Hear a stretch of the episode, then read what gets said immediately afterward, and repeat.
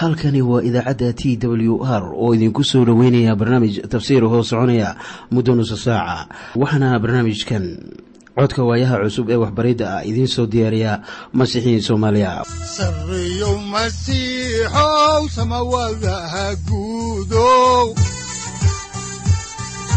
Siraadkii adduunkow subanaha eebow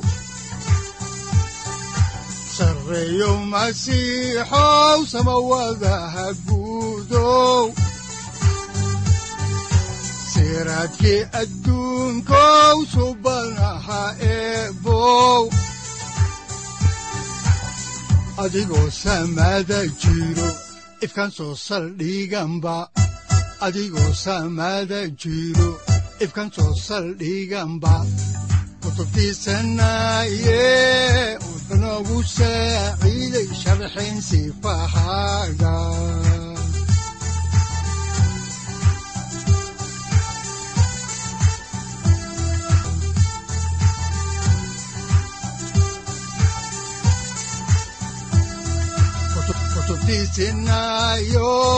ebanagu saaciid sharxin sifahaaga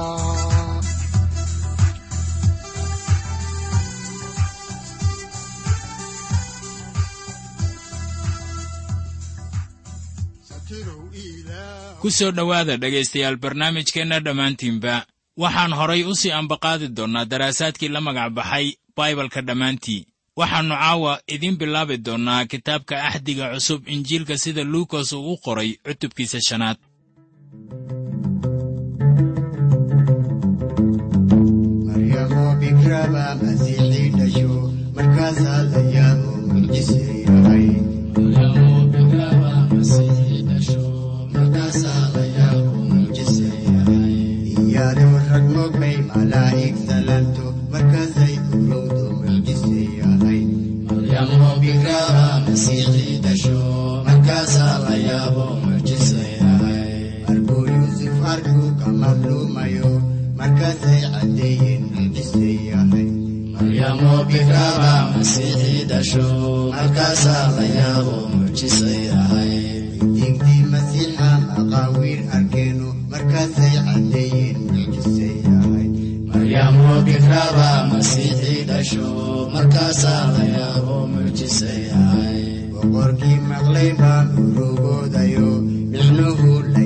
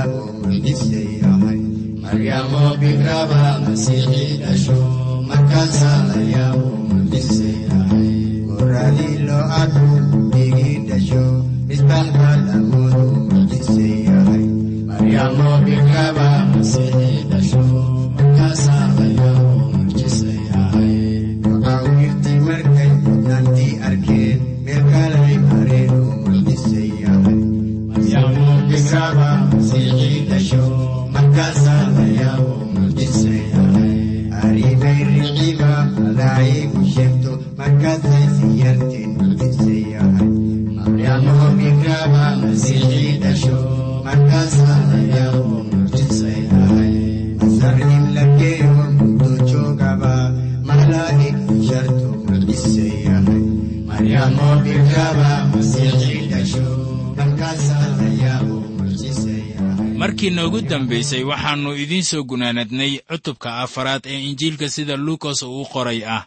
Wuxuuna ku dhammaaday iyadoo layna garansiiyey in midkeenba kan kale culaabtiisa uu u qaado taasoo loola jeedo isku samra oo dhibkana wada qaybsada waayo haddii aannu dadku isku naxariisan noqon mayso inay ilaah naxariis ka helaan. Haddaba mawduucyada cutubkan shanaad waxa ay kala yihiin kow ciise oo u yeeraya xertiisii mar labaad labo ciise oo nin ka daahirinaya cudurkii baraska saddex ciise oo bogsiinaya nin curyaan ah afar ciise oo u yeeraya matayos shan masaalka ku saabsan karniinka iyo qarbadda qamriga. Haatanse aynu eegno maaddada ah ciise oo mar kale isugu yeeraya xertiisii. Haddaan markii ugu horraysay idiin bilowna xigashada cutubkan shanaad ee injiilka sida luukas uu u qoray ayaan eegaynaa aayadaha kow ilaa saddex waxaana qoran sida tan.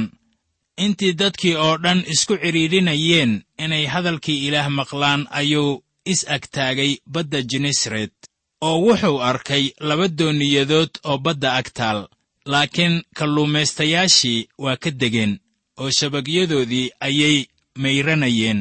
Markaasuu fuulay doonyihii middood oo simoon lahaa wuxuuna ka baryey inuu in yar dhulka ka durkiyo.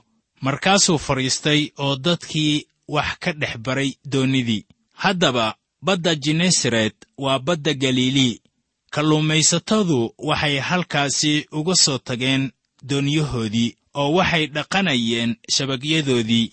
Sayidkuna wuxuu soo fuulay doonnidii simoon oo wuxuu weyddiiyey inuu doonnida wax yar ka durkiyo dhulka si halkaasi uu ugala hadlo dadka. Haddaba marka sidaas la leeyahay ayaan rumaysanahay in weedhaasu ay tahay mid daxson oo weliba wax ina garansiinaysa meel kasta oo dadka laga wacdiyo waa doonni lagu kalluumaysto waa meel hadalka ilaah laga wacdiyayo oo kalluun lagu jallaabto.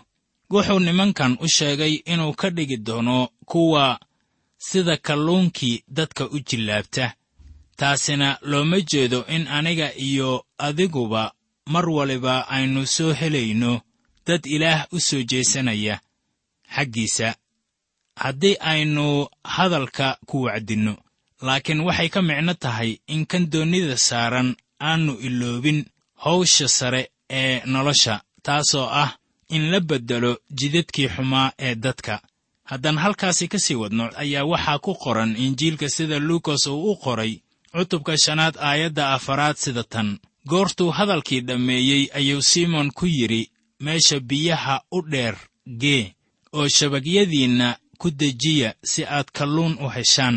Kadib markii sayidku u dhammeeyey khudbadii uu dadka u soo jeedinayey ayuu yidhi haatan waxaannu ka gudbaynaa jillaabashadii dadka oo waxaannu tegaynaa kalluumaysiga caadiga ah.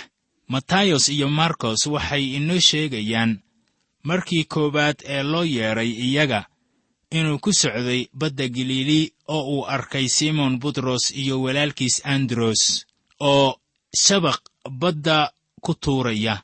Way caddahay inay kalluumaysato ahaayeen.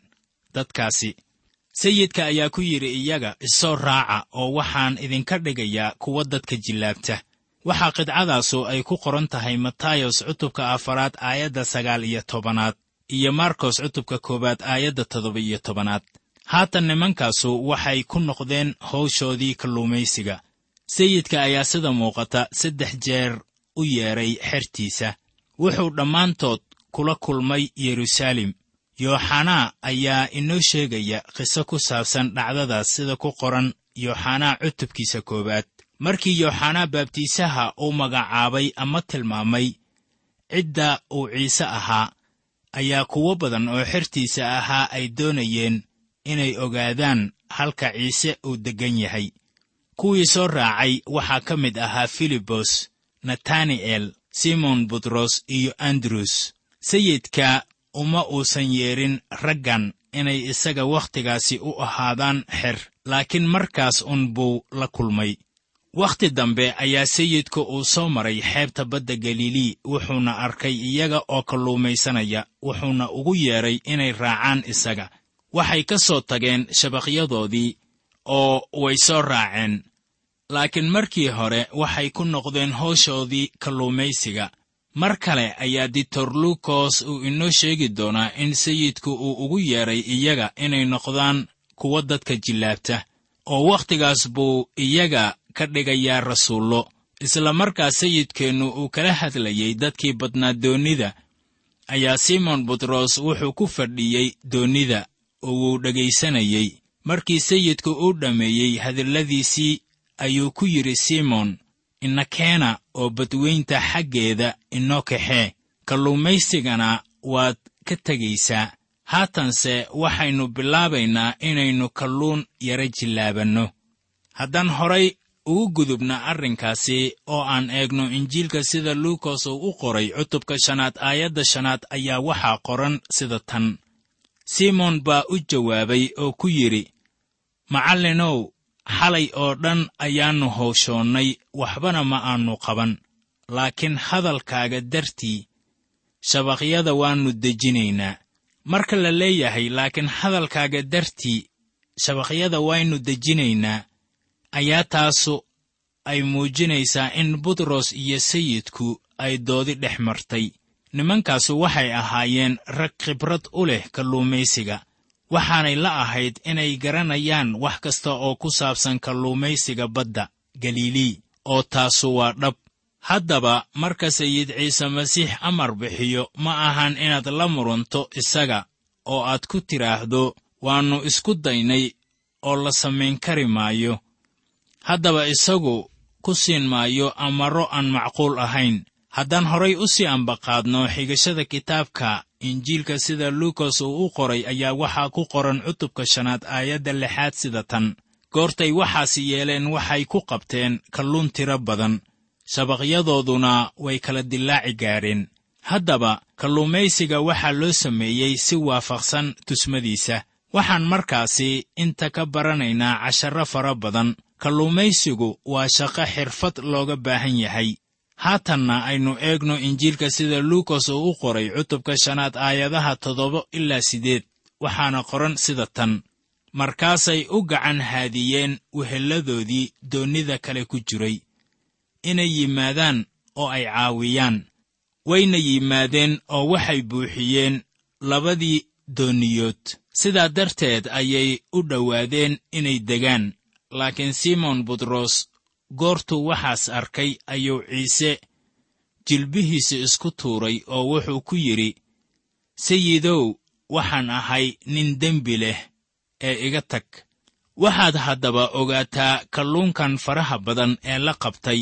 Butrosna wuxuu qirtay itaaldarradiisa weliba isagu ma ahan kalluumayste khibrad leh iyadoo ay ugu wacan tahay rumaysadarradiisa markii simon butros uu yidhi sayidow iga dheerow waxaan ahay nin dembiile ah ayuu ku yidhi haddana sayidow waxaad iigu yeedhay inaan noqdo mid dadka jillaabta laakiin waan ku guuldarraystay hawshaas. Waxaan dib ugu noqonayaa inaan kalluunka caadiga ah jillaabto. Waxay ila ahayd buu yidhi butros inaan si wacan u aqaanno kalluumaysiga caadiga ah laakiin waxaan soo saaray inaan isaga xitaa si wacan u garanaynin. Sayidow iga dheerow waxaan ahay nin dembiile ah. Waxaad raadsataa qof aad isku hallayn karayso. Ha yeeshee sayidku ma uusan doonayn inuu ka tala baxo simon butros. Waxaase uu doonayey inuu isticmaalo taasuna innaga way ina qusaysaa waxa ay tahay inaan samayno waxa weeye inaan aqoonsanno inaynan ahayn kalluumaysato khibrad leh. Balse waa inaan garanno rumaysadarrideenna iyo guuldarrooyinkeenna.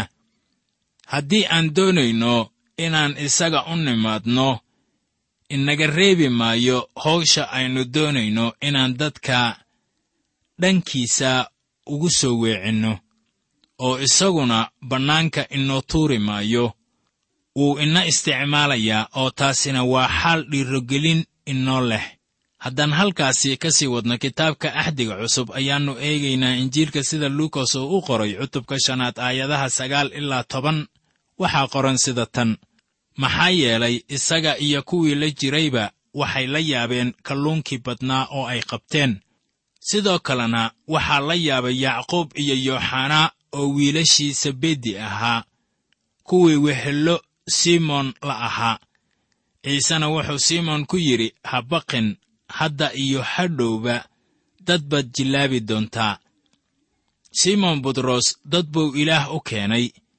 Waxaad xusuusataa sidii wacnayd ee uu u hadlay. Waa kuwiinna baibalka garanaya eh maalintii bentekost markaana sidii sayidku uu ugu jawaabay butros ayaa ah wax caaqibo leh. Saddex kun oo qofood ayaa masiixa soo raacay kadib markii uu khudbadaasi jeediyey maalintii bentekost oo ah konton maalmood kadib ciidda kormaridda. Haddaba butros wuxuu dadka u wacdinayey si waafaqsan tusmooyinkii sayidka. Waxaa halkan yaalla cashar kale miyaad garanaysaa inuu jiro nin kale oo kalluumaysato ah? Miyaad garanaysaa in shayddaanku yahay kalluumaysto weyn? Bawlos wuxuu inoo sheegayaa xaal arrinkaasi ku saabsan sida ku qoran warqaddii labaad ee uu u qoray timoteyos cutubka labaad aayadda lix iyo labaatan oo wuxuu leeyahay oo ay dabinka ibliiska ka baxsadaan iyagoo lagu qabtay si ay muraadkiisa u yeelaan. Haddaba shayddaanku wuxuu haystaa dabin isagoo dul taagan meesha biyaha. Sayidkuna wuxuu doonayaa in nafihiinnu ay badbaadaan. Ha yeeshee shayddaanku wuxuu wataa jillaab ay ku jiraan waxyaabaha dunida. Waxaa markaa la odhan karaa jillaabtii ilaah isticmaalayo waa iskutallaabta wiilkii ilaah wuxuu ku dhintay iskutallaabta oo innaga ayuu inoo dhintay. Taasina waa farriin ilaah kaaga imaanaysa. Marka ay sidaas tahay dabinkeebaad ku jirtaa ama yaad la joogtaa maanta. Waxba uma dhexeeyaan inaad ilaah la joogto iyo inaad shayddaanka la joogto. Waxaa markaasi iska cad inaannu jirin kalluumaysto saddexaad oo ardiga jooga. Haddaan intaasi kaga gudubno maaddadii hore ayaannu haatan eegaynaa maaddadan kale ee ah ciise oo daahirinaya baraslayaasha. Haddaan dib ugu noqonno kitaabka axdiga cusub ayaannu haatan eegaynaa. Injiilka sida luukas uu u qoray cutubka shanaad aayadaha laba iyo toban ilaa saddex iyo toban waxaana qoran sida tan. Goortuu magaalooyinka middood ku jiray waxaa la arkay nin baras miidhan ah. Isaguna markuu ciise arkay wejigiisuu dhulka dhigay uu ka baryey isagoo leh sayidow haddaad doonaysid waad i daahirin kartaa oo intuu gacantiisa soo taagay ayuu taabtay uu ku yidhi waan doonayaa ee daahirsanow oo kolkiiba baraskii waa ka baxay. Haddaba ka bilaabata aayadda laba iyo tobanaad ilaa shan iyo tobanaad waxay ka hadlaysaa bogsiintii ninkii baraska qabay. Haddaba luukos wuxuu ahaa dhakhtar wanaagsan wuxuu garanayay raadka maskaxiyan ahaan ay ku reebayso bogsiintu ninkan baraslaha ah ee cudurkiisa aan la garanaynin maalmahaas. Laynooma sheegin sidii ninkanu uu ku ogaaday inuu baras qabo. Ha yeeshee waa wax raadraac leh sida lagu soo saaray. Maxaa wacay? Beryihii hore qofka cudurkanu ku dhaco waxaa xaqiijin jiray wadaadka. Sidii uu ku soo saaray ayaan idinmala awaalayaa waana sidan maalin buu ka yimid beertiisa wuxuuna ku yidhi xaaskiisii calaacasha ayaa i bararsan maanta oo beerta waan fali waayey. Miyaad walaalay iiga duubi karaysaa faashad calaacasha. Markaasaa xaaskiisii gacantii ka duubtay laakiin maalintii xigtay calaacashu way sii barartay. Wakhti yar dabadeedna aad bay u naxeen waayo wuu sii faafayey barasku. Markaasaa haweenaydii waxay ku tidhi waa inaad wadaadka u tagtaa. Markaasuu wadaadka aaday oo wadaadkiina waa karrantiilay ilaa iyo sida sharciga ku qoran afar iyo toban maalmood. Markii afar iyo tobankii maalmood dhammaadeen ayuu wadaadku eegay oo wuxuu arkay in barasku uu sii fidayo. Markaasaa wadaadku uu sheegay in ninkanu uu qabo cudurka baraska markaasaa laga yaabaa in ninkanu uu ku yidhi wadaadka aan ilmahayga iyo xaaskayga u tago oo aan ku idhaahdo nabaday. Markaasaa sida abbaarta ah wadaadkii ku yidhi taa lagaa yeeli maayo oo weligaa gacantaada saari maysid xaaskaaga oo innaba awoodi maysid inaad carruurtaada far saarto inta aad cudurkan qabto. Markaasaa sida abbaarta ah ninkanu noqday goonijoog qoyskiisii waxay cunnada ugu keeni jireen meel bannaan oo way ka carari jireen marka uu cunnada u imaanayo inuu qaato. Meel fog buu ka arki jiray xaaskiisa iyo ilmihiisa oo maalinba maalinta ka dambaysa sii koraya. Markaasaa maalin sayid ciise masiix yimid wuxuu ku yidhi haddii aad doonayso waad i bogsiin karaysaa boqorkii boqorrada ayaa u jawaabay oo ku yidhi waan doonayaa ee daahirsanow haddaba waxaad ogaataa sida sayidku uu u bogsiiyey ninkaasi. Gacmihiisa ayuu saaray oo wuxuu taabtay ninkan baraslaha ahaa. Ninkan baraslaha ahaa ma uusan arag qof caafimaad qaba oo taabanaya. Miyaad qiyaasi karaysaa sida ay la ahayd in gacanta masiixu uu soo gaaro ama taabto isaga? Miyaa ciise noloshaada taabtay? Haddaba waxaa jira kuwo badan oo u baahan in ciise noloshoodu uu taabto haddii aad tahay kuwiisii oo aad dadka wax ugu sheegayso adigoo raacaya tusmooyinka masiixa ayaan ku kalsoonahay inaad dad badan u keenayso ilaah. Waxaad kaloo u baahanaysaa inaad gacantaada soo taagto oo aad isaga isku dhiibto. Haatan aynu eegno maaddada kale ee ah curyaankii la bogsiiyey haddaan horay u sii ambaqaadno xigashada kitaabka axdiga cusub injiilka sida luukas uu u qoray ayaan eegaynaa cutubka shanaad aayadaha toddoba iyo toban ilaa labaatan. Waxaana qoran sida tan.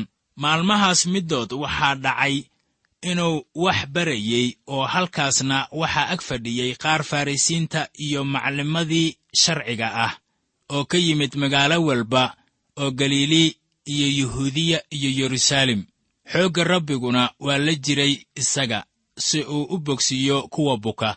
Markaasaa niman waxay sariir ku soo qaadeen nin curyaan ah waxayna doonayeen inay gudaha geliyaan oo hortiisa dhigaan. Markay heli waayeen meel ay ka geliyaan dadkii badnaa aawadiis ayay guriga dushiisa fuuleen oo saqafka ayay ka dusiyeen isaga iyo sariirtiisii oo ay dhex dhigeen ciise hortiisa goortuu rumaysadkoodii arkay ayuu ku yidhi nin yahow dembiyadaadu waa kaa cafiyan yihiin.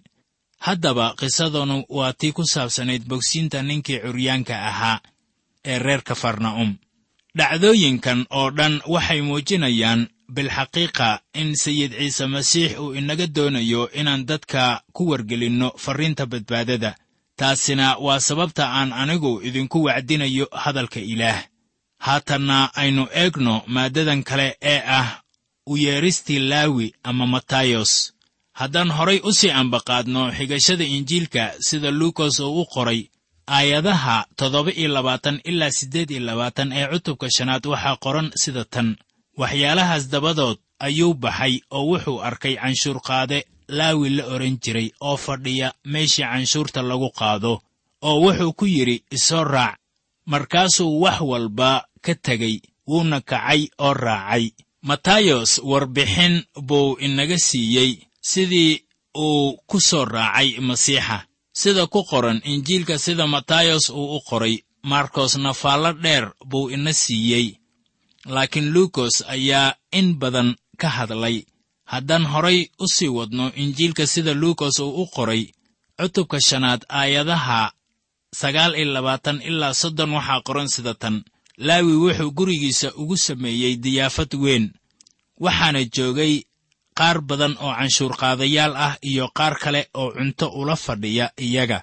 Markaasaa farrisiintii iyo culimmadoodii intay xertiisii ka ganuunaceen waxay ku yidhaahdeen maxaad canshuurqaadayaasha iyo dembiilayaasha wax ula cuntaa ood ula cabtaa culimmadii iyo farrisiintuba waxay la yimaadeen su'aalo markaana sayid ciise jawaab buu u hayey su'aalahaas. Sayidkeennu waa inuu difaacaa xertiisa waxaanu uu yidhi sida ku qoran aayadaha kow iyo soddon ilaa laba iyo soddon sida tan. Ciise ayaa u jawaabay oo ku yidhi kuwa ladan dhakhtar uma baahna laakiin kuwa buka ayaa u baahan anigu uma aanan imaanin inaan kuwa xaqa ah u yeedho laakiin inaan dembiilayaasha toobadda uu yeedho ayaan u imid. Culimmada iyo farrisiinta ayaa su'aalo weyddiiyey xertii oo waxay lahaayeen maxaad canshuurqaadayaasha iyo dembiilayaasha wax ula cuntaan? Jawaabtii sayidka waxay ahayd mid sahlan oo wanaagsan. Isagu wuxuu ahaa dhakhtarka weyn oo umana uusan imaanin inuu daweeyo dad aan jirranayn wuxuu u yimid inuu daaweeyo kuwa dembiga la jiran.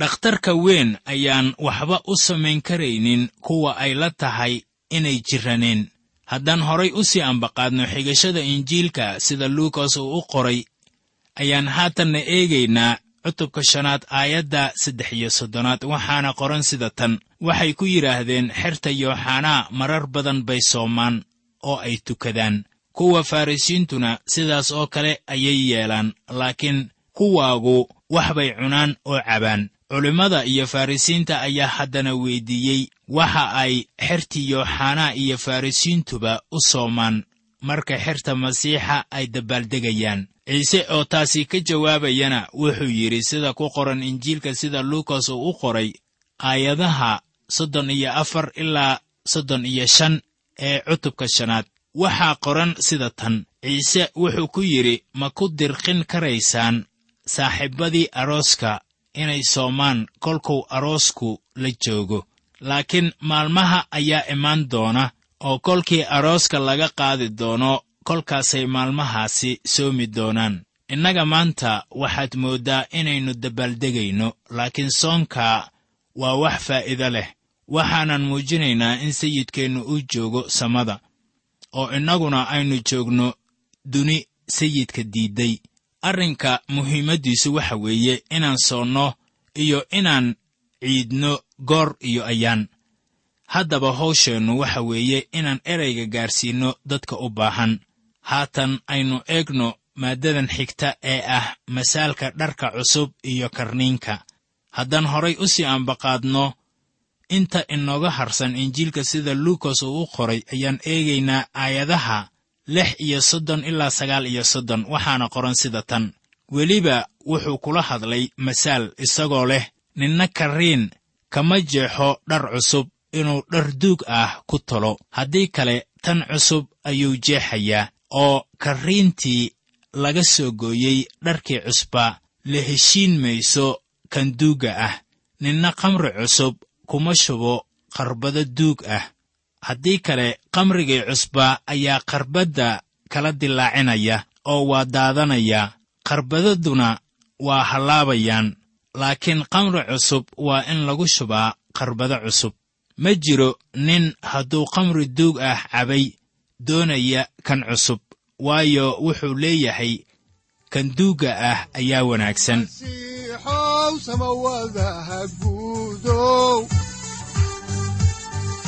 Siraadkii adduunkow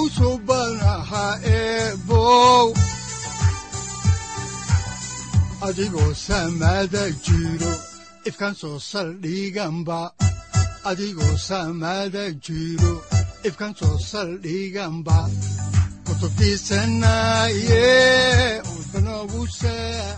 halkani waa t w r idaacadda t w r oo idinku leh ilaa ha idin barakeeyo oo ha idinku anfaco wixii aad caawi ka maqasheen barnaamijka. Waxaa barnaamijkan oo kalaa aad ka maqli doontaan habeen dambe hadahan oo kale haddiise aad doonaysaan in aad fikirkiina ka dhiibataan wixii aad caawi maqasheen ayaad nagala soo xiriiri kartaan som t w r at t w r c o k e haddii aad doonaysaan in aad dejiisataan oo kaydsataan barnaamijka ama aad mar kale dhegaysataan fadlan mar kale booqo www t w r o r g amase waxaad teleefoonkaaga ku kaydsataa ama ku download garaysataa agabyada ku sahli karaa dhegeysiga t w r haddii aad doonayso in laga kaalmeeyo dhinacyada fahamka kitaabka amase aad u baahan tahay duco fadlan fariimahaaga soo mari bogga aaraahda ama kommentska inana jawaab degdeg ah ayaanu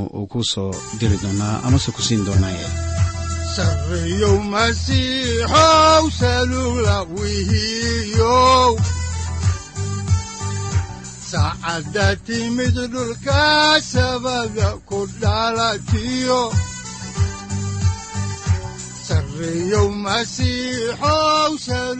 halkani waa t w r oo idiin rajaynaya habeen baraare iyo barwaaqaba leh inta aynu ka gaari doono wakhti aynu ku kulanno barnaamij la mida kan caawayay aad maqasheen. Waxa aan idinku leeyahay nabadda ciise masiix ha idinku badato xagga jidhka iyo ruuxaba. Aamiin